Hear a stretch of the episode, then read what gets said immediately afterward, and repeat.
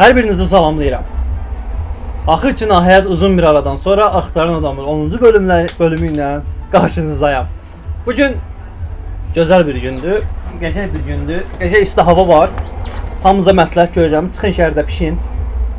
E, siz bunu dinləyəndə axşam ola bilər, sərin ola bilər. Çıxın biraz sərinləyin. Gecə ola bilər.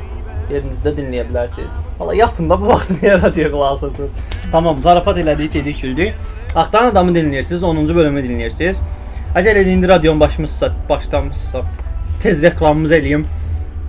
Ee, ki stop edib qaçanlar ən azından reklamımızı eşitmiş olsun. Bizi YouTube-dan, Mixcloud-dan, e, iTunes üzərindən podkast proqramından və yaxud telefonunuza hər hansı bir yüklədiyiniz podkast proqramı proqramından adımızı axtaran adam yazıb axtarıb bizi abunə ola bilərsiniz.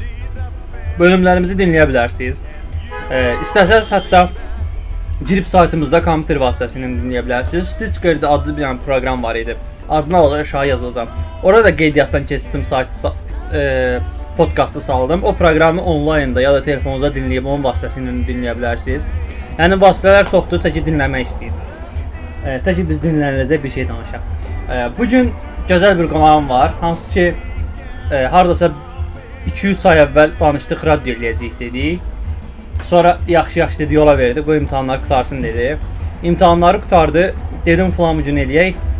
Dedi yaxşı. Falan gün gəldi, çatdı. Dedi mən rayondayım, qalsın sonraya. Axır ki tapdım, gətirdim, otusturdum. Miraziz əfəndi. Yəni qonağımız elədik. e, Miraziz əfəndi bu gün qonağımızdır. Xoş gəldin Miraziz. Çox sağ ol Müzəffər. Təşəkkür edirəm hər şeyə görə. Mən də çox şadam. İnanıram ki, çox gözəl söhbətimiz olacaq. Çox gözəl. Yəni təbii ki, çox gözəl olacaq. Çünki çox gözəl insanla söhbət edirik. Təşəkkürlər. Yəni 2-3 ay əvvəl məncə çox ə, uzun müddət deyil tanışırıq, amma yəni əslində çox əvvəldən tanışmışıq. Sadəcə necə deyim, bu əflatun eşq deyirlər. Uzaqdan uzağa. Elə bir şey. Elə bir şey olur. Yəni e, tanışdığımız çox uzaqlara gedir. Hətta yəni 2-3 il əvvəl rastlaşmışıq Bəli, amma rastlaşmışıq, lakin xəbərimiz yəni, olmayıb. Hətta bizim fotoqrafımız müzəffər olub, lakin mənim xəbərim olmayıb. E, çünki şəkillərin heç biri yarar olmadı, paylaşmadıq. İçinə qoymuşdum bütün Bəli. şəkilləri. Amma e, sonra Neural Network-da tanış olmuşduq. Neural Network-da Orada çox gözəl layihədə iştirak eləmişdik. Müzəffərin çox gözəl fikirləri var idi. Oradan təbii ki, özünün radiosu ilə tanış elədi bizi. Yanına gəlsə Maraqlı podkast haqqında Hə, Sonra danışmışdı. podkast haqqında danışdı. Sən demə bu özünə reklam edirsən. Öz radiomu reklam. Sonra bizim də bir çox ə, necə deyim, həmin ə, tədbirdən sonra təd layihələrimiz oldu. Sonra bir çox tədbirlərə qatıldıq və oradan çox gözəl təcrübələr qazandıq. Məsələn, Sıra-sıra onlara ayrı-ayrı gəlib çox ətraflı danışarıq. E, Həmənki Neural Network layihəsində yadına düşür sənin də bir Tesla haqqında danışmışdı. Bəli. O gün ağlıma gəlmişdi ki, səni radioya gətirdim, elə o mövzunu danışdırım sənə ki, bəs Tesla'dan danışırıq. Kimdir, kim deyir? ə, əs- Tesla kimdir? Əslində mənim ixtisasım elektrik mühən, e, elekt power engineering idi. Yəni elektroenergetika mühəndisliyi Azərbaycanda. Bu e, bu ixtisasın mənbəyi elektrik enerjisidir. Bu bu sahə üzrə danışırıq. Evet. Lakin e, elektrik enerjisinin 200 il əvvələ dayanan bir kökü var. Bu kökün də əsas bir neçə alimlər tərəfindən müəyyənləşdirilir. Həmin alimlərdən biri də Tesla, Nikola Tesla'dır ki, halbuki e, hansı ki onun sayəsində bugünkü e, bugünkü günə qədər gəlib çıxmış həmin elm var. Nikola Tesla olsun, Edison olsun, yəni təbii ki, orada bəzi ayrı-seçkiliklər var həmin alimlər arasında. Yəni orada danışanda əsasən Nikola Tesla'nın necə uğura nail olduğunu, e, yüzlərcə layihənin patentinə sahib olduğunu vurğuladı e, və onun e, bəzi şəxslər tərəfindən patentlərinin oğurlanması, buna e, Edisonu da əlavə eləmək olar. Bir neçə layihədə iştirak edi edib çox böyük uğurlar qazanması, lakin bunun başqa insanların adına yazılması qeyd olundu. Ə, Deməyim odur ki, həmin insanın haqqında nə qədər danışsaq azdır. Çünki həmin insan ə, bəzi uğur qazanmış insanlar var ki, onlardan biri də Nikola Tesla'dır ki, halbuki sıfırdan başlayıb böyük uğurlara imza atıb, lakin sonda e, heç bir e, əlində heç bir uğur qalmayaraq e, dünyadan köçüb. Nikola Tesla da elə bir insanlardan olub. Əslində dahi şəxsiyyət olub, lakin həmin dövründə tanınmayan insan olub. E, bugünkü temalardan biri nə uyğunlaşdırır məsələni. E, Nikola Tesla deyirsən, elektrik deyirsən, ağlıma bir sən nə gəlir? Nə?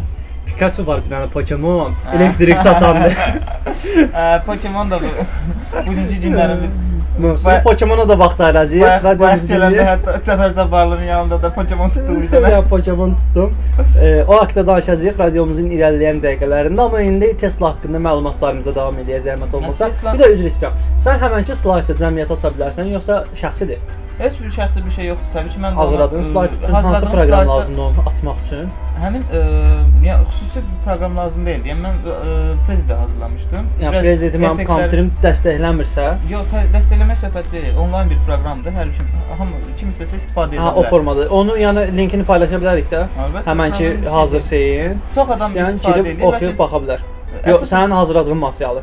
Mən hazırladığım materialı bəli link paylaşa bilərəm. Yəni maraqlı da ola bilər. Kim istəsə baxa bilər. Tesla yəni orada Teslanın maraqlı layihələri, məsələn Wardenclyffe layihəsi haqqında danışmışdım mən əsasən. O layihədə təbii ki, bəzi səbəblərə görə bugünkü gün dayanmıyor, ə, dayanıb həmin layihə. Lakin o layihənin əsasında bir neçə layihələr işlənilib, hazırlanıb. Məsələn deyə bilərəm ki, ə, hal-hazırda istifadə etdiyimiz pultlar ki var, idarə etmə sistemləri, həmin pultların mənbəyi bəlkə də həmin layihəyə dayanır. Çünki kablosuz enerji üretimi belə bir şey var idi. Yəni enerjini kab e, naqilsiz, naqilsiz uzaq ötürmə. məsafələri ötürmə. Bundan istifadə olunmuşdu orada. Bəzi səbəblərə görə həmin layihə dayandı, lakin onun ə, necə deyim, qollarından istifadə olunur da. Həmin layihənin özündən birbaşa istifadə olunmasa da onun müəyyən ə, tərəflərindən istifadə olunur. Məsələn, radionu ilk dəfə kim kəşf etmişdi? E, naqilsiz informasiyanın ötürülməsi. Həmin əvvəl təbii ki, Tesla-nın tərəfindəndir, lakin sonra başqa bir şəxsin onunla paralel hazırladığına görə həmin şəxsin adına yazıldı. Lakin onu ilk dəfə Tesla özü hazırlamışdı. E, orada deyəndə belə bir şey ağlıma gəldi. Yəni biz e, hətta yəni bu gün pultu telefondakı funksiya ilə, telefondakı belə deyim də o funksiyanı telefonda bir dalğa göndərərək televizora, Əlbəttə. o dalğa vasitəsilə, telefon vasitəsilə də belə eləyə bilirik artıq. Təbii ki. Yəni tək e, söhbət e, televizor pultundan getmir. Yəni o dövr üçün televizor pultu deyə bilərik də. Yəni o dövrdən sonra ilk düzələn radiosuz ötürücü, naqilsiz ötürücü telefon Bəli. pultudur. Yəni kondisioner pultu olsun, digər bir şeylər olsun, e, Bluetooth sistemi olsun. Yəni onlar bir enerjini bir yerdən Bunların siqnal vasitəsilə uzaqdan idarə etmələrə aiddir. Yəni e, pultun daxilində elə bir funksiya yoxdur ki, nəyisə enerji ilə təmin etsin. Lakin o müəyyən siqnallar göndərir. Həmin e, qurğunu işə sala bilən siqnallar olur. Qurğu öz özünə enerji ilə təmin edir. Pult enerji ilə təmin etmir. Lakin pult idarə etmə siqnalı göndərir ona. Müəyyən lazım olan frekanslarda, tezliklərdə Aha. siqnal göndərir. Əziz dinləyicilər, frekanslar, siqnallar, radio dalğaları haqqında ətraflı məlumat istəyirsinizsə, bundan əvvəlki bölümümüz e, Galaktik Səs adlı bölümümüz, 9-cu bölümümüzü dinləyərsiniz. Lalə Əfəndi ilə bərabər o haqqında e, kainatda parazit dalğalar şüalanması haqqında e, o haqqda danışmışdıq. Onu dinləyə bilərsiniz, ətraflı məlumatlar ala bilərsiniz. İndi isə sırf əsas e, Tesla üzərindən danışmağa çalışacağıq deyə o haqqda girişməyib Teslaya qayıtmaq istəyirəm. Tesla haqqında digər məlumatları keçərdiniz zəhmət olmasa. E, fikrimizcə bu 200 il ərzində e, e, həmin texnologiya, Tesla'nın hazırladığı ilk e, enerji üretimi barədə hazırladığı e, materiallar hal-hazırda sırayışla texnologiyanın inkişafı ilə sırayışla inkişaf edir. Məsələn, hal-hazırda e, pult əvəzinə insan hər hansı bir əl hərəkətləri ilə nəyisə uzaq ə, uzaqdan hərəkətə gətirə bilər. Yəni bu ə, sens mü- müəyyən sensorlar vasitəsilə müəyyən olunur. Hətta e, ar, e, sırf hə əl sensoru, hə əl hərəkəti ilə əl hərəkətinə cavab verən sensorlar var. var. Hətta artıq biz sizinlə düzəldilməyə üstündə çalışılır. E, aparat taxıblar başa. E, digər aparatda e, beyin düşünür da ki, Bəli. bunu eləmək istəyirəm. Oradan bir siqnal çıxır. O aparat o siqnalı artıq tanıyır və topu hərəkət elətdirməyə çalışırlar. E, hardasa bir 3-4 ay əvvəl elə bir video tap görmüşdüm. İndi inanmıram tapıb linkini yerləşdirirəm sizə, amma yəni belə bir şey var idi. Ki sırf ya işin mənbəyi hara gedir? Bir siqnal yayılır. Bəli. Ya və yayılan o siqnalı digər tərəfdən qəbul etmək, tanımaq. Hansı siqnal yayılır və hansı siqnal hansı əmri verir? Bəli. Ə, yəni ümumiyyətlə 19-cu əsrin sonu, 20-ci əsrin əvvəllərində texnologiyanın sürətlə inkişafı, yəni necə sürətlə inkişafı, olmayan bir şeyin birdən-birə peyda olması və insanların ona tələbatının yaradılması. İnsanın tələbatı olmayan bir şeyə tələbat yaradıblar. Düzdür, indi məsələn onu belə deyək də, indi telefon var, lakin telefonun yeni markası çıxır. İnsan ona tələbatı artır. Çünki köhnə ə, funksiya ona artıq onun tələblərini ödəmir. Məcburdur ki, yeni funksiyalara sahib telefon alsın. Lakin təsəvvür eləyin ki, telefon yoxdur ümumiyyətlə Və telefon birdən bazara. telefon bazara gəlir. Heç kimin telefona ehtiyacı bu- yoxdur. Bu inkişaf, çünki elə bir bu şey. inkişaf sırasıyla yaranıb yoxsa indiki telefonun markalarının inkişafı? Təbii ki, həmin inkişaf. Çünki insan olmayan, məsələn, 10-cu əsrdəki birinə gətirib telefon göstərsən, heç bilməz nədir o. Yəni qutu Bəli. elə bilər ki, qutudur. Hətta bir filmdə də göstərmişlər, qutu ilə danışır insan. Elə bilirlər ki, qutu ilə danışır. qutu ilə Muzey, danışır. muzey filmi var idi. O gəlirsən? Hə, hə, Azərbaycan Yox, ə, şey Brad Pitt çəkilmişdi. Yox, xatırlamıram. Əgər adını tam şəkildə xatırlayırsansa, bölümdən sonra mənə yazarsan, bölümün altına adını yerləşdirərəm. İnşallah. O filmi istəyənlər də baxar. Bəli, yəni ma e, maraqlısı orada görə bilərik ki, texnologiyanın e, qədim insanlarda əgər olsaydı, onlar bu texnologiyanı necə qarşılayardı?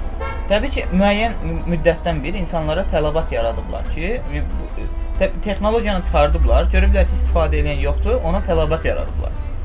Hə, insanlar da e, zaman-zaman həmin texnologiyalara vərdiş verərək onların aludəçisinə çevrilir. Belə deyim, amma onlar yaradılarkən müəyyən tələbatları düşünülüb yəqin ki, yaradılıb. Düzdür, məsələn, telefonun üstünlükləri sonsuzdur. Nə, nə qədər desən üstünlükləri O, var. o mənada demədim. Bax belə bir şey var da. Mənim bu dəqiqə nəyə tələbat? O dövr üçün fikirləşirəm. Mənim nəyə tələbatım var? Uzaqdakı birindən əlaqə saxlamağa. Onda necə eləyə bilərəm? Elə düşünüb nə isə eləyib telefon Eləyib. yaradıblar. Bəli. Və onu rahat şəkildə insanlara Amma sonra sunublar. Pokemonu həmin telefona əlavə ediblər. O insana başqa tələbat yaradır. Təbii ki, bunu da gəzir etdiyini hissələrdə. hissələr gəzirik. Amma e, təbii ki, bunun müsbət cəhətləri də var. Məsələn, Azərbaycandakı elə bir muzeylər var, elə bir e, heykəllər var ki, insanlar onun yanından gündə 100 dəfə keçirlər, lakin heç məlumatları yoxdur ki, bu kimin heykəlidir. Bu küçədə kim yaşayır, hansı Azərbaycan daha şəxsiyyətinin evidir bu. Məlumatları yoxdur. Lakin həmin Pokemonda çox gözəl bir şeydir ki, həmin muzeylərin şəkli göstərilir. İnsan ən azından baxanda həmin muzeyə fikirləşir ki, düşünür bir anlıq ki, bu kimin, görəsən kimdir bu? Eee, gəlin belə deyim. Eee, Pokemon Go-dan söz açılmışkən mən sizə qısaca məlumat verəcəm. Pokemon Go nədir, necə oynanılır falan. Amma belə bir şey deyim ki, Burada e, texniki işlərə girməyəcəm ki, Pokemon Go-nu kim düzəldib, nəyə görə düzəldib, neçənci ildə düzəldib. Qısaca məlumat verim ki, Pokemon Go e, Niantic şirkət var. İndi adını baxıb dəqiq sizə deyirəm. O şirkətin məhsuludur ki, şirkət bundan əvvəl başqa bir proqram Incrested nədir? Bu adlı bir proqram düzəltmişdi.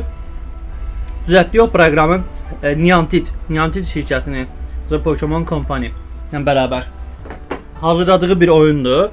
E, o şirkət əvvəl başqa bir oyunu var idi ki, o oyun da eyni funksiyanı görürdü. Xəritədə müəyyən yerlər var idi. O yerlərə gedib silahlar düzəldirdi. Bu formada nəsə texniki şeylər düzəldirdi. Sonra o oyunu elə bir üzərinə onu oxşar olaraq Pokemon Go-nu düzəltdilər. Pokemon Go-nun əsas ideyası da nə idi? Əvvəl biz yadınıza yadınıza gəlsə, bəlkə Mirzə sən də baxmış olarsan. Uşaq vaxtı Pokemona Bəli. baxırdın. Yəni mən təbii Sizin filmə baxmısan da? mən ona baxmamışam, lakin bəzi dizi filmləri yadımdadır ki, hal-hazırda ə, adlarını ə, sadalamayacağam, lakin həmin dizi filmlərinin bizim həyatımızda çox böyük əhəmiyyətli müsbət xatirələri müsbət qalıb. xatirələri qalıb, təbii ki. Amma e, dizi filmlərinin də məsələn indi e, bu mövzuya da toxunarıq ki, məsələn dizi filmlərinin insanların həyatında nə kimi e, e, Mənfi bilər. təsirlər verə bilər və, və yaxud nə kimi töhfələr verə bilər. Məsələn Azərbaycanda bu dəqiqə yerli dizi filmləri yoxdur. Həmin dizi film filmlərindən şey eləyə bilmirik. E, öz dizi filmlərimiz yoxdur. Lakin xarici dizi filmlərinə uşaqlar uşaqlar baxır. Məsələn bu dəqiqə türk dizi filmlərinə baxır və yaxud ingilis dizi filmlərinə baxır. Həmin düşüncə ilə böyüyür. Lakin böyüsə Azərbaycan yerli dizi filmləri olsa və uşaq uşaqlığından həmin dizi filmlərinə baxsa, onun həyatında təbii ki, böyüdükcə müəyyən ə, izlər buraxacaq və milliləşmə daha yaxşı gedəcək. Yəni e, Yəni, bu nəyi yeritməyi fikirləşirsə, ona uyğun bir. Bəli.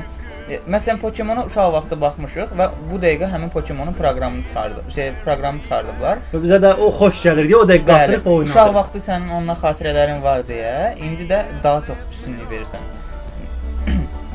Biz uşaq olanda ə, ən çox Tom Jerry idi. Ən çox da Tom Jerry, Temel Reis'e baxırdıq. Temel. Reis olur. Sonra yəni olan bunlar idi. Ona görə də indi onunla bağlı nəsə olsa, o dəqiqə bizə xatirələr oyanır ki, hə, mənim uşaqlığım bununla keçib. Mənim yadıma gəlir, hətta mən Tom Jerry'nin e, PlayStation-da oyunu var idi. Alıb diskini, yəni hər gün oturub onu oynayırdım. Gedib televizorda onun çizgi filminə baxırdım. E, hətta mən bu yaxınlara Qaradasa 1 il əvvəl başlamışdım Pokemon Pokemona təzədən baxmağa sıfırdan tapmışdım. Bax Pokemon əslində hələ də davam eləyir. Serial çizgi filmdir. Çizgi serial əslində. E, 700 neçə bölümü var. Davam eləyərək də gedir. Əvvəl Yaponiyada yayınlanır.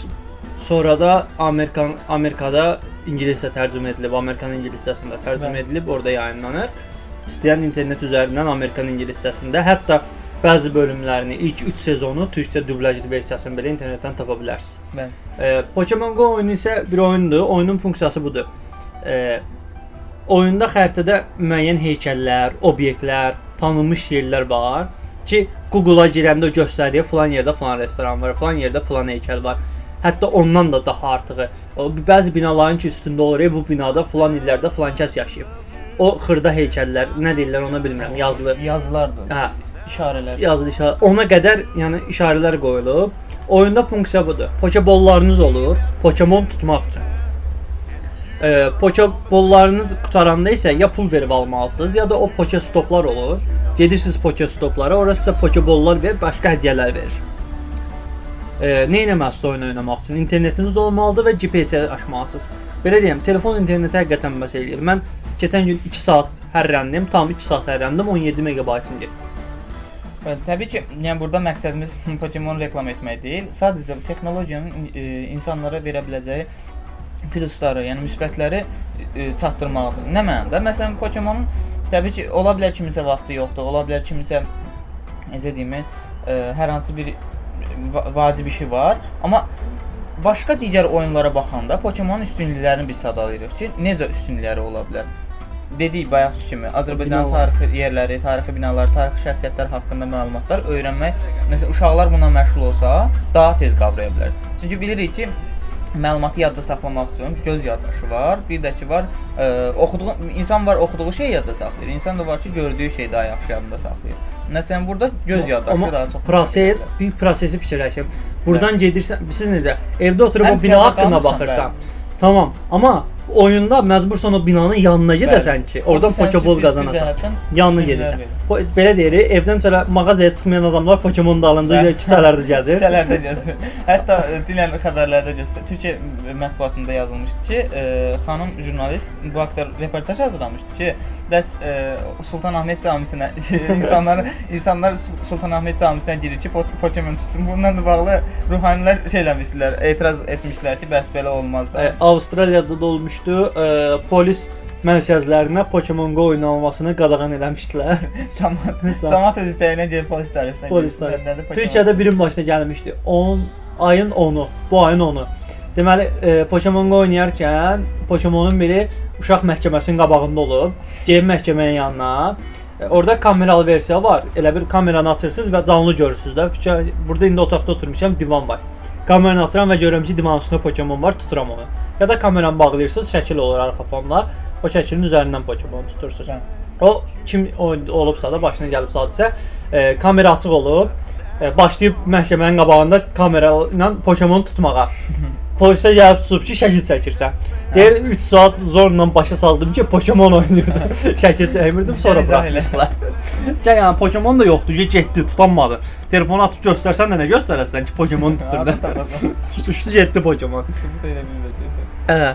E, ona görə biraz məhkəmələrdən, e, yol kənarlarından, yolda, maşın yolunda ehtiyatlı olmaq lazımdır. Amma Qısası başınızı da bəlaya salmayın. oynayın biraz ehtiyatlı olun. Amma belə bir şey var da. E, telefonu əlinizdə saxlayırsınız və yol gedirsiniz. Gözünüz ətrafa baxır. E, Pokemon qarşınıza çıxsa, telefon özü diragen e, vibrator, Vibra- şişə, vibrasiya verir. vibrasiya verir. Azərbaycan dilində nədə olur?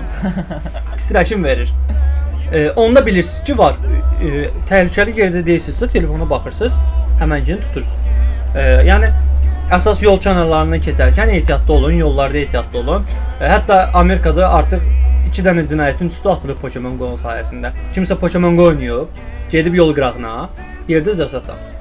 Və, e, bu şey dedim, maraqlı bir proqram. Mən bir dəfə e, Qafqaz Universitetinin e, yeni fikir layihəsi layihəsində olmuşdum. Düzdür, həmin layihə e, layihə vermişdim, qəbul olmamış, olmamışdı. Amma o final, final mərasiminə getdim. Orada çox gözəl layihələr gördüm. Yəni insanı həqiqətən maraqlandırır. Çox ə, fərəh verir ki, bizdən də belə bir layihələr var. İnsanlar belə bir uğurlara imza atırlar. Nə idi deməli layihə? Ə, çoxlu layihə var idi. Sadəcə ora gedəndə maraqlı bir layihəni öyrənmişdim. Layihə nə idi? İnsan getdiyi yerdə, Müəllifi məsələn, işıq fora in, yox, müəllif xatırlamıram çünki elə layihələr çoxdur deyə müəlliflər yadda qalmır. Lakin, lakin layihə özü maraqlı deyə yadda qalır. Yəni deyək ki, bu layihə kimsə layihəsidir, xahiş edirəm oğurlamayın. Yəni təbii Yəni ki, yəsi var. patenti var. Yəni təbii ki, pa- patenti var bu layihələrin. Eee deməli insanlar hal-hazırda telefonlara aludə olub, yol gedə-gedə heç e, ayağının altına baxmadan telefondan istifadə edə yol gedir.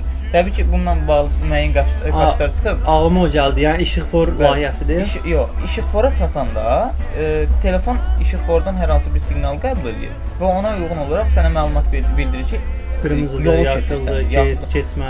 Ümumiyyətlə yolun olduğunu sənə bildirir. Çünki ins elə ins həqiqətən elə insanlar var ki, o qədər telefona bağlı olurlar. Gedirlər başları ağacı dəyir, gedirlər nə müəyyən başlarına işlər gəlir. Gedirlər və yaxud şey açıq lüka düşürlər. Yəni həqiqətən çox acınacaqlı vəziyyətdə. Onunla bağlı maraqlı bir layihə fikirləşmişdi. Bir insanda e, deməli layihəsi nədən ibarət idi? Layihəsi o idi ki, qoca insanlar qollarına 2 dənə bir sağ qoluna, bir də sol qoluna bilərzik taxırlar və onun navigatora bağlanır. Navigatorda həmin insan səslə deyir ki, mən hara gedəcəm, hansı küçəyə gedəcəm. Navigator onu müəyyənləşdirir və e, gözdən əlin insana sağa dönmək lazım olanda sağ qolundakı bilərzikdən e, Titreşim yayır, yayır, sola sola dönmək lazım olanda sol qolundakı. Və bu da çox böyük kömək eləmişdi. E, insanlar faydalı proqram idi deyə. Mən elə gəlir ki, e, Microsoft Imagine Cup layihəsində qəbul olunmuşdu bu layihə. Azərbaycanda. Bilmirəm Azərbaycan. Deyəsən Azərbaycan dəqiq bilmirəm. mən Bunu Yəni Avropada bunu eləsələr, buna pul ayırarlar və eləyərlər. e, deyəsən pul ayrılmışdı hətta, istifadə olunmuşdu. Microsoft Imagine Cup layihəsində istifadə olunmuşdu. Allah, Və e, reallaşıb sağ Bəli. gözəl. Çünki çox gözəl layihədir. mən Hətta yəni bəlkə də bizə də ehtiyac var. e. Yəni yola baxmırıq, bir şey eləmirik. mən indi bir layihə haqqında Söhbət danışacağam. naviqasiyadan gedirsə, yəni Bəli. E, Bir layihə haqqında danışacağam. Bunu bir ara özüm reallaşdırmaq istirdim, lakin sonra gördüm ki, bəzi səbəblərə görə məndə alınmır. Daha doğrusu özüm cəhd etmədim üstünə düşməyə.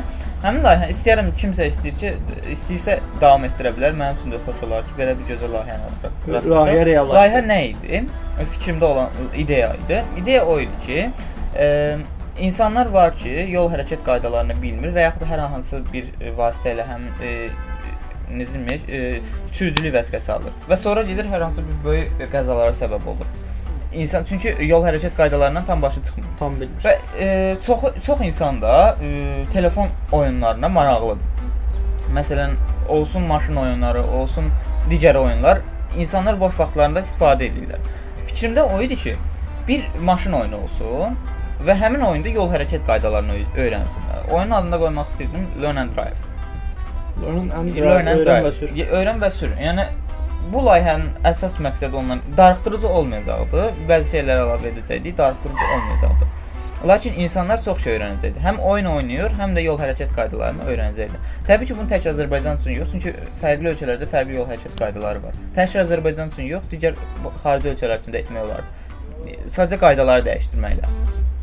Məsələn, yol getdikdə səsli bildiriş gələcək ki, burdan sağa dönmək qadağandır. İşarəni göstərəcək ki, bu işarə qadağan işarəsidir və yaxud ə, dairəyə girmək ə, qadağandır və yaxud dairədə üstünlük sənə üstünlük sənindir. Bu şərtlərlə insan artıq şuuraltı öyrənəcəkdi bu qaydaları. Praktiki öyrənəcək, gözü görə-görə, yəni canı sürə-sürə. Bəli, hər gün ə, yəni alimlərin araşdırmalarına görə bir şey 21 gün təkrar etdikdə ya 21 dəfədir deyəsən, 21 E, dəfə belə deyim, 3 həftə, ortalama 3 həftə etdikdə şuuraltıya düşür. şuuraltı yəni artıq qazanılmış refleks yaranır da insanda. İstər-istəməz o şeyi təkrarlayır. Yəni bu da artıq gün hər gün oynayacaqdın oyunu. Oyun maraqlı olacaqdı təbii ki. Həm oyunu oynayacaqdın, həm də şuuraltı yol hərəkət qaydalarını öyrənəcəkdin. Sonra da sənin heç bir çətin olmayacaqdı yol hərəkət qaydalarını öyrənmək. Məncə maraqlı bir şey olar, lakin bunun üçün mənim əlimdə elə də vəsait yox. Yəni vəsait deyəndə ki, vəsait ola bilsin lazım olmaz. Lakin o qədər dərin bilgim yox idi ki, oyunu hazırlayım. Oyun hazırlamaq üçün Azərbaycanda platformanı seçməsən, bu platformanı işlətmə bazarı olmalı. Və təbii ki, məndə onlar biraz zəif olduğundan çox məsələnin üstünə düşmədim. Lakin kimsə hazırlamaq istəsə, kimsə məsləhət alıb e, birlikdə hazırlamaq fikri olsa, yəni təbii ki, hər bir məsləhətə cavab verərik. Askefim hesabımızdan bizə suallarınızı yönləndirə bilərsiniz. Qonaqlarımıza suallarınız varsa, qonağın adını yazaraq, ya da bölümün adını yazaraq və yaxud mövzunun adını yazaraq e, yazıb bizə sualınızı çatdıra bilərsiniz. Sualları qonaqlara çatdıraq və cavablandıraq. E, biraz o qədər çox ideyam var, bilirəm. Hər dəfə ideyalar qurursan, ideyalar qurursan. Biraz da keçək bu reallaşdırdığın ideyaya. Bu e, təlim Ha, onlar e, Kurs. İndi Mən Təbii ki, ə, mən ona hər dəfə kurs deyirəm. Bəli. Biraz da qayıdır düzəldir ki, kurs deyil, klubdur. O Bəli. kluba. Adı nədir onun? e, enerji klub. Enerji Club. E, təbii ki, hər bir tələbənin universitet həyatında hər hansı bir uğurları olur və yaxud hər hansı bir fəaliyyətləri olur. Biz də çalışmışıq ki, həmişə fəaliyyətlərimiz olsun, kiməsə nəsə xeyir verək. Yəni məqsədimiz necə olub? İlk öncə biz buna başlayanda fikirləşirdik ki, e, hər hansı bir təlimlər təşkil edək. Universiteti bitirmiş e, mütəxəssisləri cəlb edək universitetdə pulsuz tələbələri maarifləndirsin. Yəni təbii ki, özün də məlumdur ki, universitetdə insan ancaq kitaba, ancaq dəftərə baxdıqda heç nə öyrənə bilmir sahəyə çıxıb real avadanlıqları görəndə qəribə olur ki, deyir ki, mən bunu ilk dəfə görürəm. Heç mənə bunun haqqında danışmayıblar. Amma həmin mütəxəssisləri universitetə cəlb edib, onlardan məlumat alanda tələbədə təsəvvür yaranır. Biz də ona çalışdıq və e, harca mart ayının əvvəlləri idi. Belə bir e, ideya oldu ki, bəs Energy Club yaradaq. Və yaratdıq təbii ki, mütəxəssislər də çağırdıq. Çox sağ olsunlar ki, onlar da e, işlərinin çox olan vaxtı bizə vaxt ayırdılar. Tam təmənnasız, yəni həmin e, tədbirlərə qatıldılar. Çox insanlar həqiqətən elə insanlar gördüm ki, elə bir yaxşı, e, elə bir köməklər etdilər ki, yəni bu insana həvəs verir ki, nəyəsə başlasan, sənə kömək edən olacaq. E, e, həmişə kömək edən olur. Düz yoldasan. təbii ki, düz yoldasan ki, kömək edən olur. E, ona görə də həmin layihəyə başladıq və e, çoxlu e- eventlər yaratdıq, çoxlu tələbələr gəldi. Həqiqətən də həm özümüz öyrəndik, həm də e, kimlərinsə öyrənməsinə vasitəsi olduq. Bundan e, çox şadıq. Bu e, imtahanlar vaxtı dayandırdıq, lakin e, növbəti ildən daha gümrah başlayacağıq Ə, inşallah. sırf bizim universitet üz üzərindən yoxsa Yəni- ətrafı da qəbul edirsiniz. Təbii ki, istəyən olsa qatılmaq e, sözsüzdür. Eee, Lakin biz başlayanda platformanı sadəcə Neft Sənaye Universiteti üçün etdik. Çünki çox böyük etməyə həm özümüzün vaxtımız çatmırdı. Çünki universitet təbii ki, universitet Yəni, kənar universitetlərdə də bu sırf sahədə oxuyan azdır onsuz da. Yəni qatılmaq qatılan istəsə, azdır, lakin istəsə qatılan var. Təbii ki, qatılan olmuşdu. Facebook səhifəniz var. Bəli, bəli. Adı Energy Club. Yəni Facebook səhifəsinə qatıla bilər. Ə, altdakı məlumat hissələrində Enerji Club'un Facebook səhifəsinin linkini yerləşdirəcəm. Oradan ala bilərsiniz. İstəyən olsa, yəni sözsüz ki, onlar da qatıla bilər. E, Burada şəxsi bir heç bir məsələ yoxdur. Təbii ki, qatılanların hamısı öyrənişsiz qatılacaq. Hətta gələn ildən fikirləşirik ki, ekskursiyalar da təşkil edək. Harasa yəni artıq bilirik ki, tələbələrin nədə çətinlikləri var. Hər hansı sahədə çətinlikləri var. Həmin sahələri qabardaq. Onlara o sahə üzrə məlumatlar yönləndirək. Çünki həqiqətən bu dəqiqə ə, reallıqda tələbənin universitet həyatından kənar fəaliyyəti demək olar ki, çox azdır. 90% tələbə universitet həyatından kənar fəaliyyəti yoxdur. Ancaq universitetə gəlir, e, universitetdən gedir. Yəni təcrübə təcrübə bax baxımından çox qırdı. O vaxt bizim uşaqlar ə, şey yaratdı, kitab klubu. Hmm. Universitetdə biraz yer- universitet deyil idi onda. Bizdə ə, akademiya idi. Hələ Hə. o vaxtlarda Akademiya uşaqları sizdə. Akademiya. Biz də olsa akademiya qəbul olub universiteti bitirəcəyik inşallah. Mən artıq akademiyaya qəbul olub universiteti bitirmiş uşağam. Bəli, bəli. E, akademiyada elə bir şəraitimiz olmadı o kitab klubunu inkişaf elətdirməyə, yer problemi falan oldu. Onu verdik. İndi bu il verdik başqa bir adama təhvil elədik, çıxdıq. E, investisiya e, innovasiya klubu elədilər onu, amma içində kitab klubu da fəaliyyət davam etdirəcək. Ümid edirik ki, onlar nəsə eləməyi bacararlar. Biz eləyə bilmədik, amma Bu onlar şeydə qeyd eləyərlər. edeyim ki, biz də inşallah o, e, klubu universiteti bitirdikdən sonra klubu aktiv bir e, tələbəyə həvalə edəcəyik. Təbii ki, onun öhdəliyinə buraxacağıq bütün hər şeyi. O davam etdir. E, bu layihəni istəyirik ki, davamlı olsun. Yəni universitet daxilində bir klubdur bu. Davamlı olsun ki, hər il növbəti tələbələr istifadə edə bilsin. Əslində universitetlərin daxilində çox klublar var. Bəli. Burdan indi bizi dinləyən tələbələrə məlumat vermək üçün deyim ki, bir çox universitetin daxilində debat klubu var, kitab klubu var, e, universitetin ixtisas sahəsinə aid olaraq belə xüsusi Energy Club kimi xüsusi klublar var ki, sırf ixtisassız indi orada ədəbiyyatşünaslıq bəlkə ona aid bir şey var ya başqa sahələrdə ona aid bir şeylər var. İndi onlarda məlumatım yoxdur, amma inanıram ki, hər universitetdə belə klublar var. İntellektual oyunlar klubu var. Yəni boş qalmayın. Hətta necə deyim, bu, bu il bizim universitetdə nərd oyunları təşkil olunmuşdu, yarışlar. Şahmatdan, basketboldan, voleyboldan, tennisdən Yəni, xəbərim var. Hətta maraqlanan insanlar çox şeylə qarşılaşacaq, qarşılaşacaq universitetdə.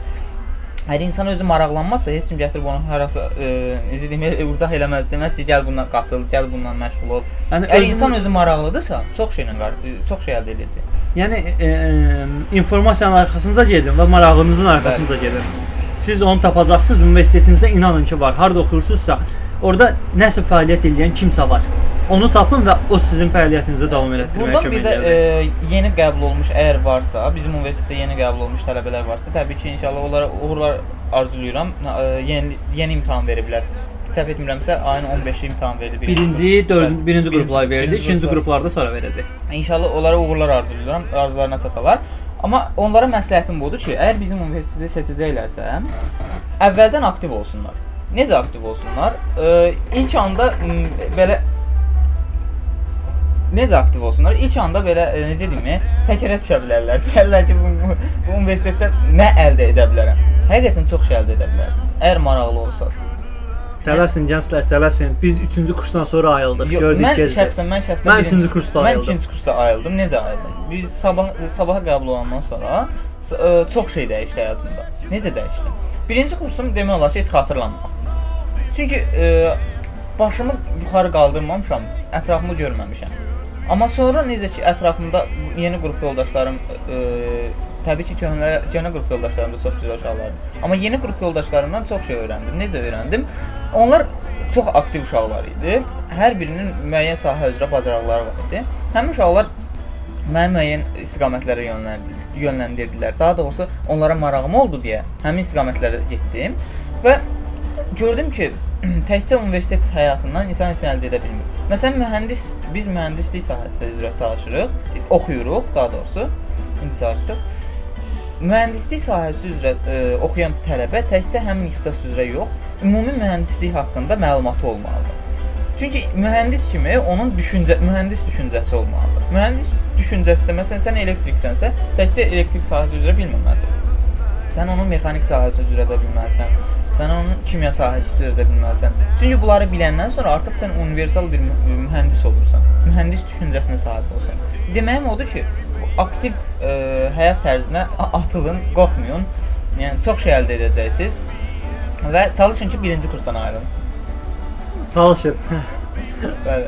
Baxın indi mən bu qədər gecikdim deyə bu radionu universitetin son ilində eləmişəm. Halbuki birinci kursda saydım, indi 3 ildir sizlə radio var idi. Bəli. 3 ildir dinləyirdiniz. yəni bəlkə də daha şöhrətli olacaqdı 3-cü kursda. Amma inşallah şöhrətli olacaq çünki dinləyiciləri artır. Çünki insanların marağı artır, insanların ə, ətrafı artır. Və inşallah. Müzəffər usta uğur qazanır. Xeyirlisi ilə. Eee mahnı təklifim var, qəşəng bir mahnı. Qəşəng mahnı deyəndə ki, mən ə, indiyə qədər heç bir filmi, bir də heç bir mahnının ə, Adını bilmirəm. Adı yox. Adları nə də ki ifaçları yadımda qalmayıb. O dərəcə. Amma ə, əslində çox mahnıya qulaq mahnı asıram. fasiləsi vermək istirdim. Evet. Qalmırsa onu da vermirik. verə bilərsən, problem yox. Eee mahnı mə məsləhətim var fasilə üçün. Fasilə üçün. Mənə buraxsan italyanca bir mahnı seçəcəm. Hə, fərqi yoxdur. Hə, tamam, onda İtalyanlar da onsuz Azərbaycan Bizim tayımızda. bizə oxşayırlar. Onda bir gözəl italyan mahnısı ilə fasiləyə başlayırıq.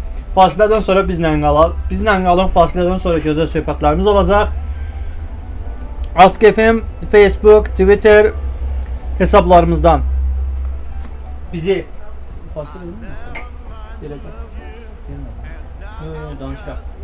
Ask FM, Facebook, Twitter hesablarımızdan bizi izləyin. YouTube kanalımızdan abunə ola bilərsiniz. Ee, WordPress üzərindən saytımızdan axtaranadam.wordpress.com saytından e, girib bölümlərimiz haqqında məlumat ala bilərsiniz. Bölümlərimizi dinləyə bilərsiniz. iTunes və yaxud telefonunuza yüklədiyiniz hər hansı podkast proqramı vasitəsilə e, bizim bölümlərimizi abunə olub dinləyə bilərsiniz. nə deyim, yəni axtaran tapar. Yəni hər yerdə çalışmışıq ki, axtaran adamı yayaq. Və Axtarsaz həmişə axtaran taparsınız. adam ol. Həmişə axtarın. Axtaran adamla qalın, mahnı fasiləsindən sonra sizlə bərabər olacaq. Oh, ah. Oh,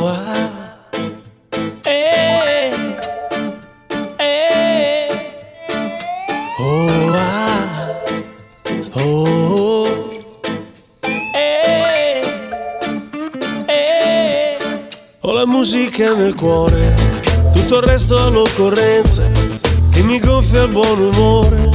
Quando ho il cervello storto, questo andazzo mi riporta nelle notti là in provincia. Ogni nota ha una faccia, si ascoltava solo rock.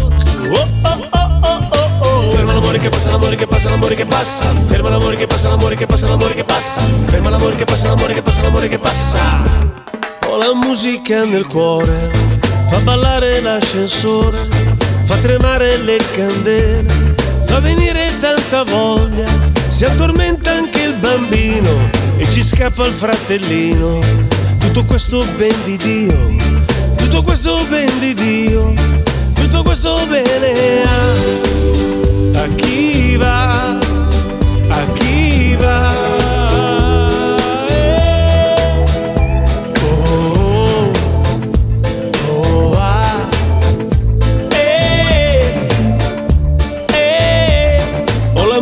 La musica nel cuore e ho negli occhi la mia vita, dal mio grattacielo bianco, da un ottavo piano stanco, progettavo e mescolavo, davo baci ma sentivo sempre il suono principale, si faceva solo rock. Oh, oh, oh, oh. Ferma l'amore che passa, l'amore che passa, l'amore che passa. Ferma l'amore che passa, l'amore che passa, l'amore che passa. Ferma l'amore che passa, l'amore che passa, l'amore che passa.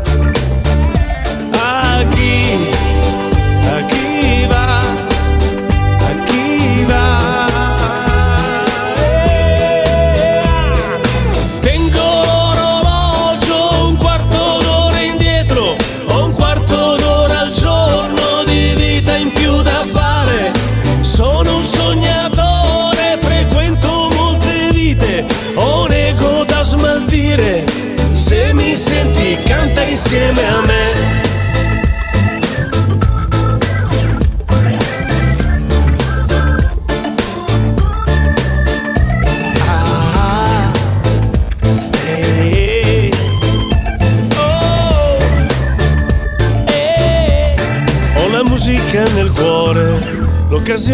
più grande per aver la vita accesa, per non essere il riflesso di una luce poco mia, dolce vergine amorosa, ti han promessa proprio a me. Ho sposato solo te, ho sposato solo te. Ferma l'amore che passa, l'amore che passa, l'amore che passa. Ferma l'amore che passa, l'amore che passa, l'amore che passa. Ferma l'amore che passa, l'amore che passa, l'amore che passa. Ho sposato solo te. Ferma l'amore che passa, l'amore che passa, l'amore che passa. Ferma l'amore che passa, l'amore che passa, l'amore che passa. Ferma l'amore che passa, l'amore che passa, l'amore che passa. Ho sposato solo te.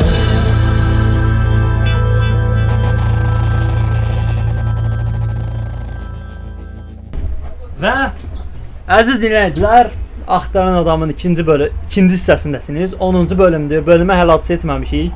Amma siz orada ad görürsüz. Bəli. Ad ad seçək də bölümə.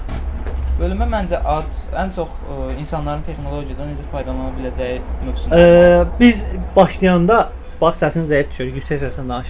Biz başlayanda e, Tesla'dan başladıq. Bölümün adını təklif edirəm qoyaq Enerjinin gücü.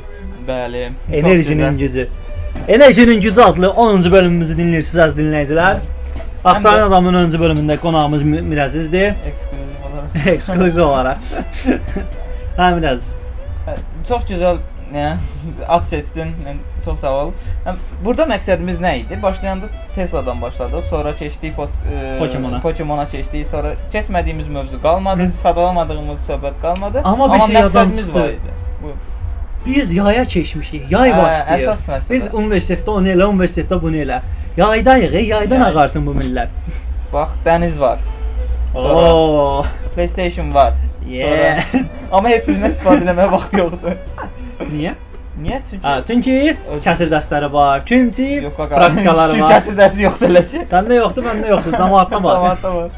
Amma praktika var. Yəni çoxu məcburən, çoxu istəyərək praktikaya gedir. Radiomuzu təzə dinləməyə başlamısınızsa, kəsir dərslərindən ya da praktikaya gedəndə yolda avtobusda saatlarla qalırsınız. Podkastda dinləyin. Bəli. Çox Yalnız gün saatlar saymışdım. Hep avtobusda neçə saat. Neçə dəqiqə istifadə edə bilərik? Bundan nə qədər istifadə etsə, nə qədər inkişaf edə bilərik? Təbii ki, ə, zarafatımız bir tərəfə, amma vacibdir ki, əgər tələbə vaxt tələbə isə bizim çox vaxtımız var. Tələbənin vaxtı heç kimdə yoxdur. Yəni bu ə, Tələbədə olan qədər Bəli, boş vaxt etmiyor. olan qədər boş vaxt heç kimdə yoxdur. Bunu dəyərləndirək dostlar. Necə dəyərləndirək? Dəyərləndirmənin çox çox variantı var. Bir podkast podkastı işləyirsiniz Android və yaxud iPhone-a. iOS iOS olur. Hə, iOS. iOS-da. iOS-a yüklüyorsunuz. Sonra oradan gedirsiniz, axtaran adamı axtarıb tapırsınız, ona qulaq asırsınız və e, maraqlı bölümlərində çox gözəl məlumatlar var. Burada məqsədimiz nədir? Sizə nəyi aşılamaq istəyirik? Yay tətilində ə, özünü inkişaf etdirməyin çox yolları var. Məsələn, mən mühəndislik sahəsi üzrə deyə bilərəm ki, mühəndislərə lazım olan ə, çoxlu proqramlar var ki, hansı ki, digər mühəndislərdən fərqləndirir o insanı. Həmin proqramlarla məşğul olun. Yəni istəsəz mənə yaza bilərsiniz. Mən həmin proqramlarla məlumatlandıraram sizi. Hansı proqramlardan istifadə etsək daha Cəhil eləməyək. Sən o proqramların ən əsas ikisini, üçünün adını mənə Yox, verirsən. ki, ə, adlarını yaza bilərəm. Mən. Onlayn Mən də bölümün aşağısına onların adlarını qeyd eləyirəm. maraqlı proqramlar var. Təbii ki, həmin proqramlar ə, bir mühəndisi digərindən fərqləndirir. Bu dəqiqə çoxlu mühəndis qurtarır universitetdə, amma onları bir-birinə fərqləndirən cəhətlər lazımdır. Gedirsən inter iş intervyusuna, səndən soruşur ki, bəs bizi bu sahə üzrə mara maraqlandırır. Yəni siz bu sahə üzrə nəsə məlumatınız varmı? Mən deyirəm ki, mən universitetdə bu dərsləri keçmişəm, deyir, mənə lazım deyil onlar.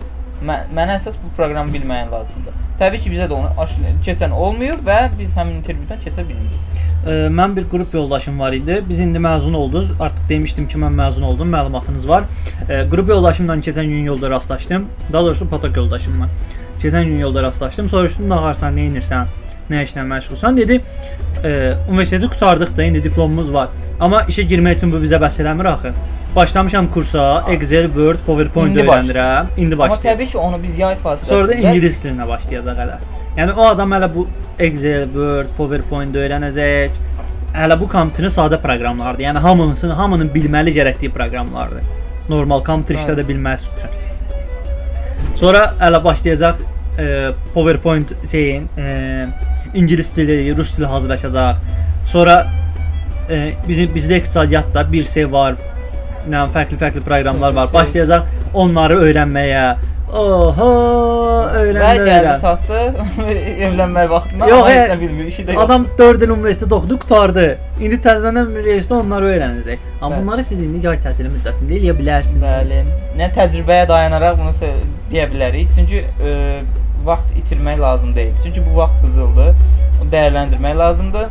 Dənizə də gedin, demirəm dənizə getməyin, PlayStation-da oynayın, amma paralel bunları da eləyin. Mümkündür eləmək. Heç Eləyə bilərsiniz. İnan eləyə bilərsiniz. E, belə deyim. Vaxtımızı ən çox öldürən sosial şəbəkələrdir. Təbii ki. Çünki düzgün istifadə etməyi bilmirik. Zaman sosial şəbəkədən iş üçün istifadə eləyir ya da xüsusi nəsə önəmli bir şey məlumat almaq üçün istifadə Biz edir. yatmaq üçün istifadə edirik. Biz vaxt öldürmək üçün istifadə edirik sosial şəbəkəni. Ki indi beşər qalmışam, açım görüm Facebookda nə var. Nə var? Kim nə yazıb. O qədər bekar olur ki, insan hərdən olur da. Facebookda məlumat çatmır sənə. Yenilirsən, yenilirsən eyni məlumatlar. Mən Twitterdən daha çox istifadə edirəm. Refresh eləməkdən bezmişəm. Aşağı düşürəm, hamısını oxumuşam, yuxarı qalxıram, yeni şey paylaşan yoxdur. Anında oxuyum. Qardaş, adamın 500 dostu var, amma məlumat çatmır ona. Heç kim paylaşa bilmir, çatdıra bilmir. Yəni O qədər e, bekar qalırıq. Ona görə e, sosial şəbəkələrdə düzgün istifadə etməyi öyrənin. Vaxtınızı onun üzərində öldürməyin, vaxtınızı dəyərləndirin. Bəli. e, yeni şeylər öyrənməyə çalışın, maraqlarınızın üzərində getməyə çalışın və ən əsası gələcəkdə sizə lazım olan şeylər üzərində gedin. Bəli. Belə bir şey deyim. Əgər çoxunuz artıq təxmini seçmisinizsə, mən qutarandan sonra təxmini olaraq nə işləyə bilərəm? Potensial işlər var da, Çox bir çeşidlər şey var. dedin ki, Onları bölüb, qoy bir dənə o tamamlayım. Buyur, buyur. Onları bölürsüz ki, potensial olaraq burada, burada, burada işləyə bilərəm. Girib o iş elanlarına baxırsınız ki, onları işləmək üçün nə təklif olunur? Səndən nə istəyir? Düzü e, insan e, ilk universitetə qəbul olanda elə şeydən heç məlumatı olmur. Sadəcə ixtisasının adını bilir. Sonra gəlir birinci kursda tarix keçir, kimya keçir, Ya, Azərbaycanın Coğrafiyazat keçir, sonra sərhəgəsi olmayan multikulturalizm keçir, çox önəmli məsələ, multikulturalizm keçir. Sonra başa düşmür ki, bu insan gələcəkdə nə olacaq? İxtisası nə olacaq? Sonra gəlir ikinci kursa başlayır ixtisas fənləri keçməyə. Birdən-birə necəmi? Təkərə düşür ki, mən hara qəbul olmuşam, məqsədim nədir? Heç bilmir, yenə də bilmir ki, nə ixtisası üçüncü, nədir. üçüncü kursda məndə neft qazın hərəkətini öyrədəndə mən Bəli. deyirdim mən buna girməmişəm axı, mən iqtisadiyyata girmişdim. Bəli. Sonra məlum oldu ki, sən demə iqtisadiyyata girməmişəm, sənaye mühəndisliyinə girmişəm. Amma sonra 3-cü kursda yavaş-yavaş insan başa düşür ki, ay amma bu nə olacaqmış. Ha onda ayılır ki, mənim ixtisasıma nələr lazım imiş, mən nələrə vaxt sərf eləmişəm. Onun üçün də çalışın, əgər universitetə yeni qəbul olmusunuz, təbii ki, yeni qəbul olanlara deyirəm, e, çalışın özünüzdən böyük kurslarla məlumatınız olsun. Onlarla çox ünsiyyətli olun. Çünki artıq onların təcrübəsi var. Onlar bilirlər ki, sənin bu ixtisasa nələrə ehtiyacın var. Ən çox nələrin üstündə dayanmalısan. Hansı proqramları öyrənməlisən, hansı səviyyədə öyrənməlisən, hansı avadanlıqlara yenidən tanış olmalısan. Onlar haqqında məlumat öyrənin və yeni erkən başlayın həmişə. Sentyabrda universitetə başlayanda çalışın bir dənə 4-cü kursdan uşaq tapın, tanış Bəli. olun. Ondan məlumat öyrənin. Çünki o 4-cü kursda artıq ən azından 2-3 illik təcrübəsi var onun. Bəli. Bilik sən nə, nəyə görə deyirəm? Çünki e, tələbələrin 50% 3-cü kursda ayılır. 25% 25% elə bir 20% tez ayılır. Bir 50% 3-cü kursda ayılır. Bir 20% zadda 4-cü kursda 10% ayılır. 10% ayılır. ümumiyyətlə. Ayılır. yəni e, o 4 ən azından ayılanlar hissəsində ən azından 4-cü kursa çatanda artıq ayılmış olurlar ki, "Ə, biz naxarıq, edirik və nə Bir də etməliyik?" əsas məsləhət odur ki, məsələn birinci kursda insan e, elə də çox şey eləyə bilmir də, ixtisasını başı çıxmır deyə. Ən çox məsləhətim odur ki, ixtisasla bağlı olan seminarlara, təlimlərə qatılın, həmin sahə üzrə işləyən insanlardan məlumat öyrənin. Onsuz da bilməyəcəksiniz, nə soruşasınız onlardan. Ümumiyyətlə onlarla ünsiyyətdə olun. Həmin e, ünsiyyətdə olanda da nəsə öyrənəcəksiniz. 100% ona əmin ola bilərsiniz. Mən nəyə görə dedim? Çünki iş elanına açıb baxanda orada iş elanında yazır da, səndən falan falan falan bacarıqlar istənilir Bəli. və falan falan proqramları bilməyi istənilir. Artıq bilirsən ki, sən sən bu iş üçün sən hansı kompüter proqramı öyrənməlisən. Başlayırsan internetdən tapıb öyrənməyə. Ya da ki, sən hansı bacarıq əldə etməlisən, onun üçün kurslara, təlimlərə getməyə. Onsuz da gedəndə ə, ixtisasın üzrə hansısa sahəyə başlayanda görürsən ki, dəxlisi olmayan şeylər keçmirsən. Heç onlar səni tutublar ayağından geri çəkiblər. Sən qoymayıblar inkişaf edəsən. Amma ümumiyyətlə lazımdır onlarda. Müəyyən müddətdə lazımdır. E, düzdür, günün günümüz gəlmir biraz e, mühəndis olan şəxsin multikulturalizm keçməsi, nitq mədəniyyət keçməsi, amma lazımdır. Niyə lazımdır? Mən ola bilsin bəlkə razılaşmasız. Çünki mənə də biraz şey deyir, qəribə gəlir ki, niyə mən bunları keçirəm? Amma bir, biraz fikirləşirəm ki, lazımdır. Niyə lazımdır? Mühəndis öz fikrini ifadə edə bilmirsə, o ancaq özü üçün işləyir. Yəni özü üçün öyrənir. Yəni belə deyim də, həyatımız sadəcə işdən ibarət deyil. Bizim kənar öz şəxsi həyatımız da var, dost çevrəmiz də var, ahitəmiz də var, getdiyimiz, qatıldığımız tədbirlər də var, Toplumlar var. toplumlar, qruplar var. Yəni burada öz fikrimiz olması, öz fikrimizi ifadə etməyimiz, özümüzü ifadə etməyimiz, danışa bilməyimiz də önəmlidir. Bəli. Yəni həya- yaşamağımız da önəmlidir. Tək e, işləməyimiz yox. Bəli. Adam var, o qədər şey bilir, amma heç kimə çatdıra bilmir ki, bu bu insan bunları bilir və o geridə qalır. Amma adam var bir şey bilir, amma tutur onun ə, necə deyim, lord qulağından elə, tutur. elə rəhlədir, elə göstərir ki, çox şey bilinmiş kimi. irəli çıxır və yavaş-yavaş təcrübə ilə özünü inkişaf elətdirə bilir. Onun üçün də danışıq çox əhəmiylidir. Çalışın biraz da e, özünüzü inkişaf elətdirəsiniz. Nə mənada bu, bu cür özünü təqdimatlardan faydalana biləsiniz. e, yay tətilində tətil eləyin, istirahət eləyin, rayona falan tanışlarınız varsa gedin ora, dəyin, görüşün, gəzin. Telefonunuzda da bir dənə PDF-ni yükləyin, arada kitab oxuyun, bədii kitab oxuyun, nə bilim Kitab istəyirsiniz. oxumağa m, necə deyim, həvəsiniz olmasa da ən azından ixtisasla bağlı videolara baxın. Yavaş-yavaş təkrarlanacaq keçdikləriniz gözünüzdən. Ümumiyyətlə belə deyim, e, filmlər çoxdur. Əlaqədar filmlər tapıb baxa bilərsiniz. Həddindən artıq çoxdur, Ya həqiqətən. e, köhnə bölümlərimin birində Discovery-də çoxlu şeylər var. Hə, köhnə bölümlərin birində e, satışdan danışanda iqtisadiyyata aid filmlər paylaşmışdım. Dağçılıqdan danışanda ona aid filmlər paylaşmışdım. E, Və s. və s. və s.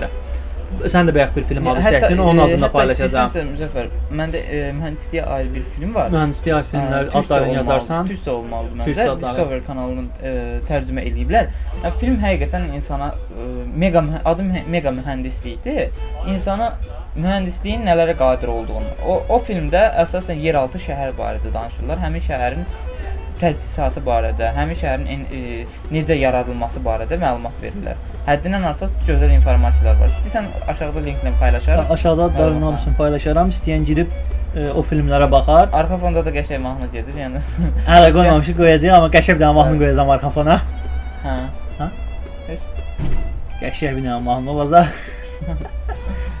İndi dinləyirlər dostlar. İspan mahnılarından da çox zövq ala bilərsiniz. Yo, İspanları seçmədik. Seçdiklərimiz İspan deyil.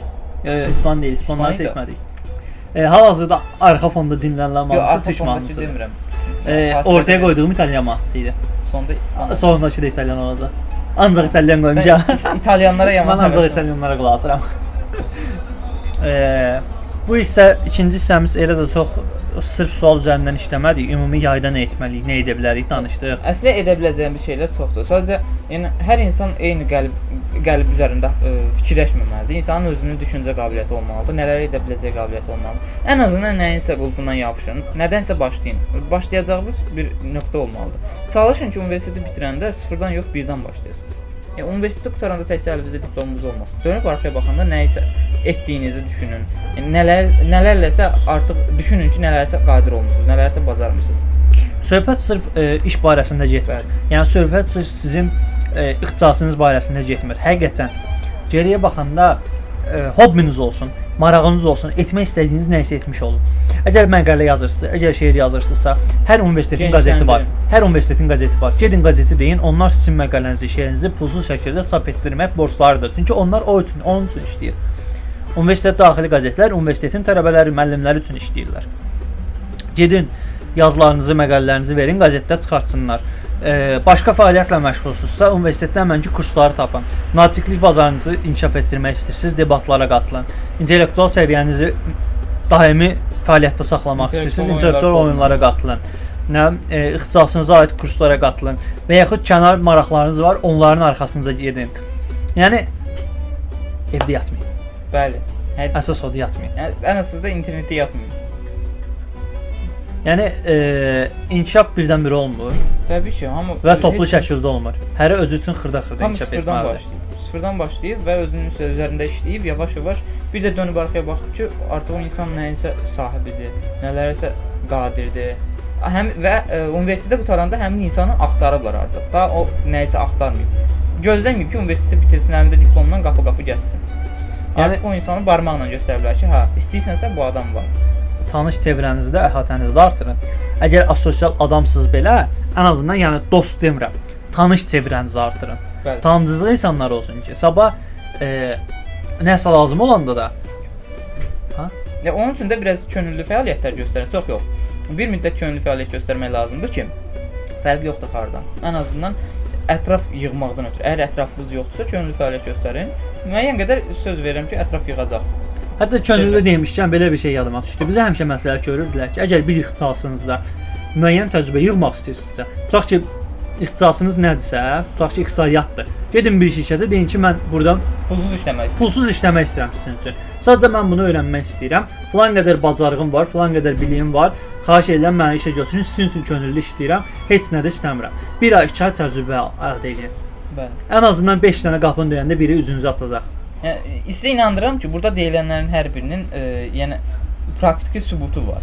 Ya, ham- eləmişik, bilirik yəni. Yəni hamısının praktiki sübutu var. Heç nə özümüzdən demirik, praktikadan deyirik. Hə, e, bir də ki çalışın ətrafımızda özünüzdən çox bilən insanlar olsun ki, nəsə öyrənə biləsiniz və kiməsə də bildiklərinizi aşılayın. Çünki insan nəyisə dərindən öyrənmək istəyirsə, onu danışanda daha yaxşı öyrənir.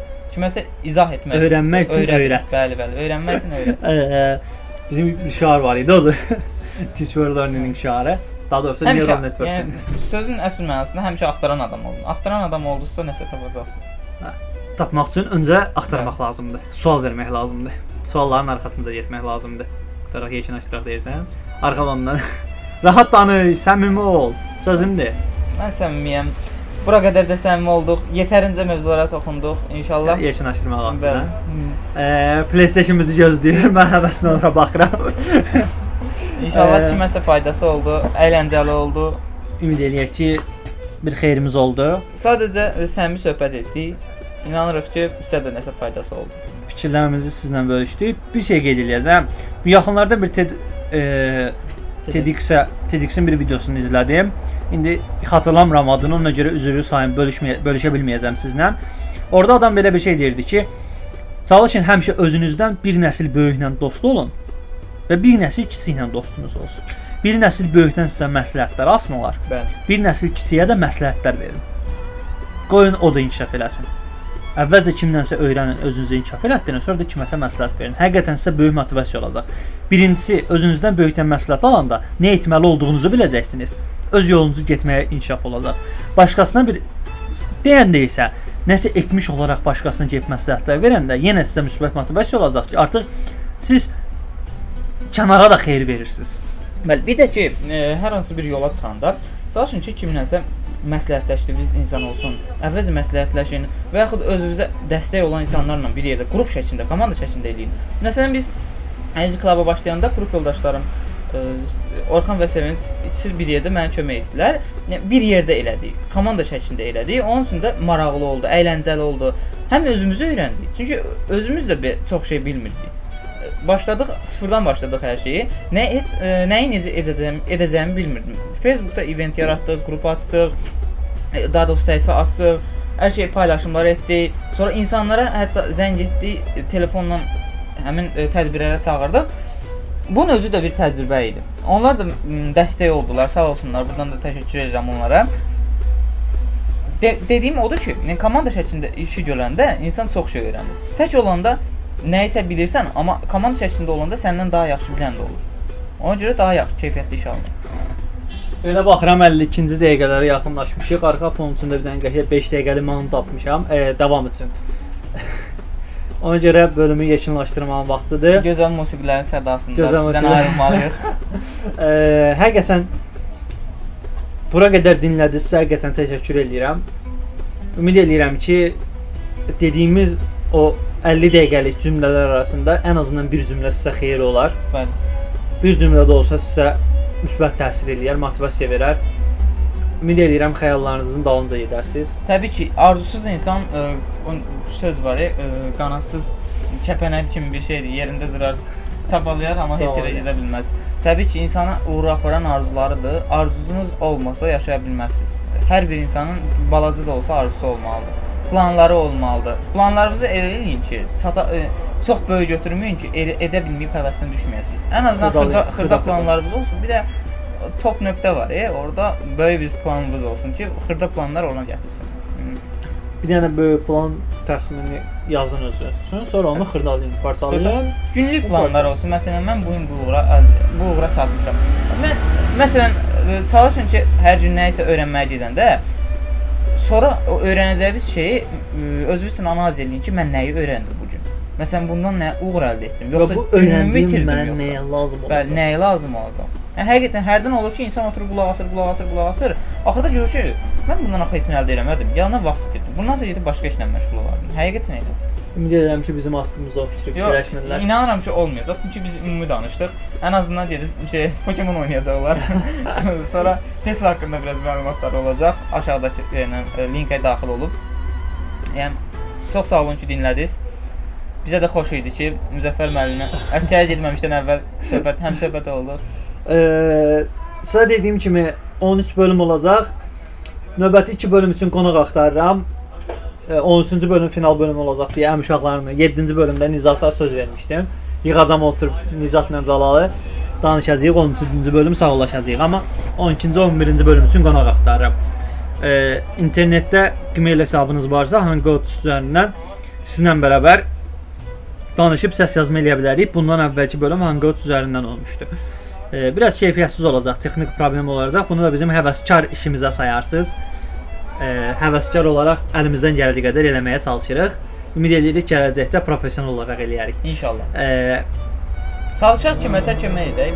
Axtaraq və tapaq. tapaq. Axtaran tapar. Bəli. E, bizi hardan axtarsanız tapa bilərsiniz. Elə girin Google axtaran adam yazın gələcək. Bəli. Taparsınız. E, ona görə də uzatmıram. Axtaran tapar. Və Salamat qalın. Gözəl musiqilərlə sizinlə sağollaşırıq. Salamat qalın.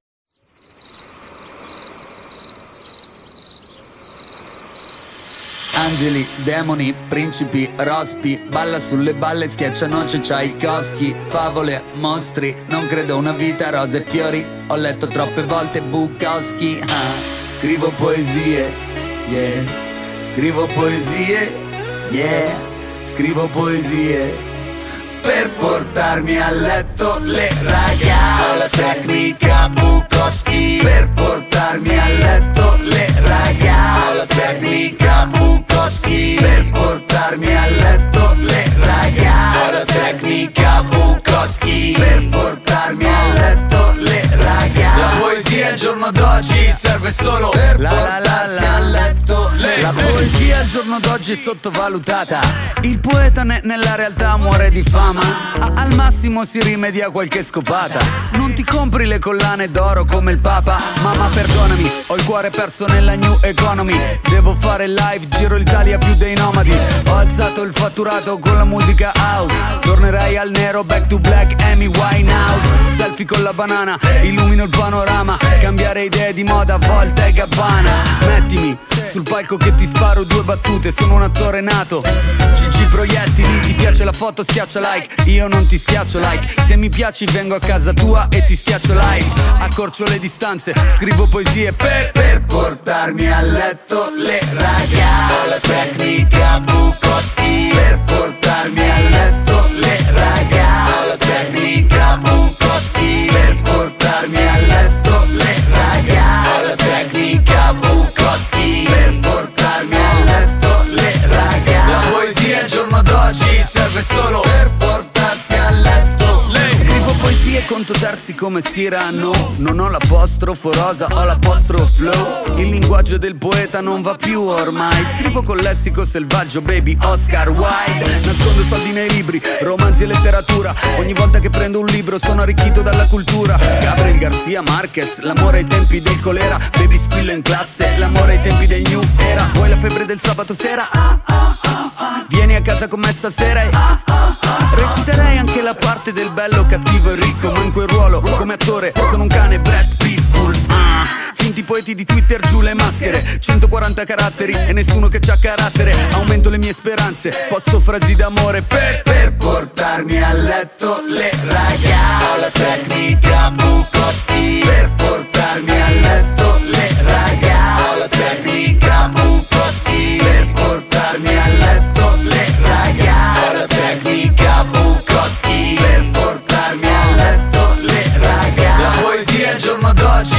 serve solo per portarsi a letto. Le Se cercavi qualche cosa di più interessante. Lascia perdere Dante, leggi di Dante. Se cercavi qualche cosa di più interessante. Lascia perdere Dante, leggi di Dante. Se cercavi qualche cosa di più interessante. Lascia perdere Dante, leggi di Dante. Nel mezzo del cammino l'ho capita, ma le pene vanno insieme. Ho un cuore con le corna, li ziba, uh.